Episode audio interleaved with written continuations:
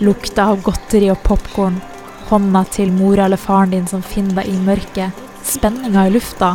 Den aller første teateropplevelsen eller konsertopplevelsen din vil kanskje sitte i noen år. For det er noe helt spesielt med dette. Å se en kulturopplevelse for aller første gang, og kanskje spesielt for et barnesinn.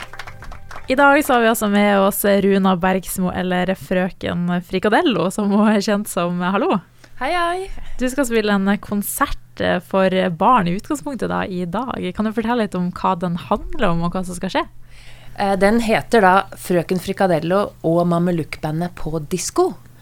Så vi skal, jeg og Mamelukkbandet, vi har fått en invitasjon til diskokonsert. eh, Men det blir litt misforståelser og litt problemer, selvfølgelig. Og underveis så skal vi spille mange artige sanger og tulle en del. Er det liksom bare sang og spill, eller prater dere litt imellom? Ja da, vi prater og vi tuller, og Ja. vi eh, finner på mm, litt artige ting. Mm. Hvilken aldersgruppe er det det passer for? Jeg vil si fra ja, to-tre år og oppover så lenge man er barnslig nok, vil jeg si. Mm. Og da kan det jo plutselig være voksne som liker det kjempegodt òg. Det er ikke sånn der masete barnekonsert. Det er skikkelig bra spilt av bandet. Jeg vil si at sangene ikke er sånn der, Det er ikke sånn slitsomme barnesanger, men Mm. litt sånn ordentlige litt, Det handler om noe ordentlig, på en måte. Og, og, og så er de morsomme samtidig. Hvordan går man fram når man skal lage noe som passer for barn? Er det vanskelig? Det gjelder å være litt barnslig sjøl, da. Ja.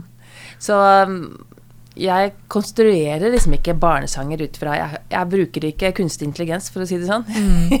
jeg bruker mitt eget liv og min egen barndom og min, min barns eh, barndom som inspirasjon, da. Og andre barn.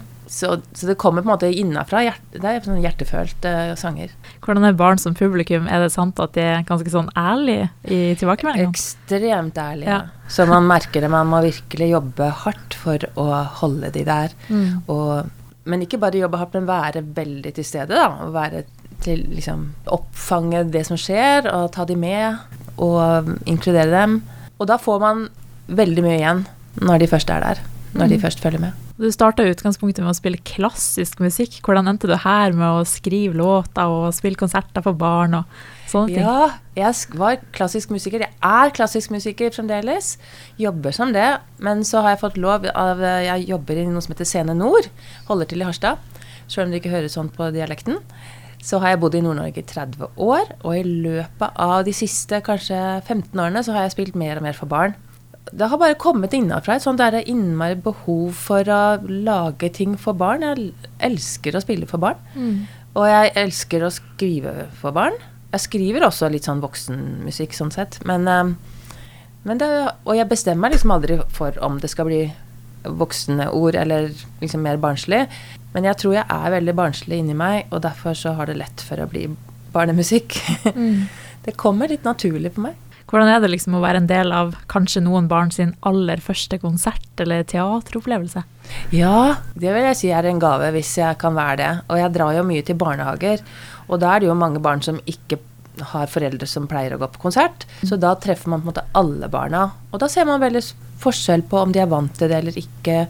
Og de blir veldig sånn nesten sånn paralysert hvis de aldri har opplevd det før. Og så blir det mer varm i trøya når de skjønner at det her går bra, og det er ikke farlig. Og det store instrumentet som jeg har, da, som heter cello, først så er de kjemperedd for at det er altfor sterkt. Men så begynner de å skjønne at det her er skikkelig, skikkelig morsomt. Og de får liksom være med på konserten. Og, og det kan være Det kan liksom sette spor, da, en sånn type opplevelse. Hvor det er litt fine farger, kanskje kostymer eller noe sånt. Og, så, og at det er eh, sanger som bergtar en litt, eller morsomme ting som skjer på scenen. Jeg ønsker å formidle at det å være på konsert er, kan være veldig givende, uansett alder. Og at man kan eh, se tilbake på det, eller huske det lenge etterpå. Det Mm. ønsker jeg. Hvor viktig tror du det er for barna å oppleve noe sånt? Jeg tror det er faktisk eh, viktigere enn vi aner, jeg. Å leve seg inn i noe utenfor seg sjøl. Noe som er velment. Ikke skummelt nødvendigvis, men som engasjerer. Og som setter i gang litt fantasi og humor og sånn her.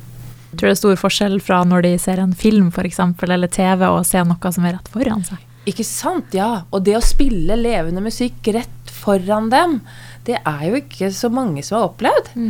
Så Derfor så blir det også sånn at de får så store øyne når man kommer der med de her instrumentene, og, og de liksom vet ikke hva de skal forvente seg, for de er vant til at det bare kommer en lyd fra en høyttaler eller noe Mm. sånt, eller en TV.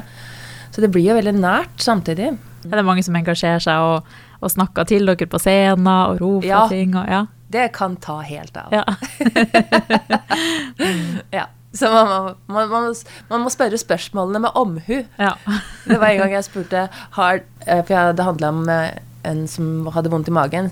Og så spurte jeg ungene i en barnehage om, om de hadde tatt medisin noen gang. Mm. Og alle ville fortelle om det. Så jeg kom jo ikke videre i konserten. Jeg kunne bare slutta der og bare snakka om det resten av konserten. Og så lurer jeg på det her eh, mamelukk-bandet ditt. da. Hva er en mamelukk? Mamelukk, ja, det er jo ei diger underbukse. Ja.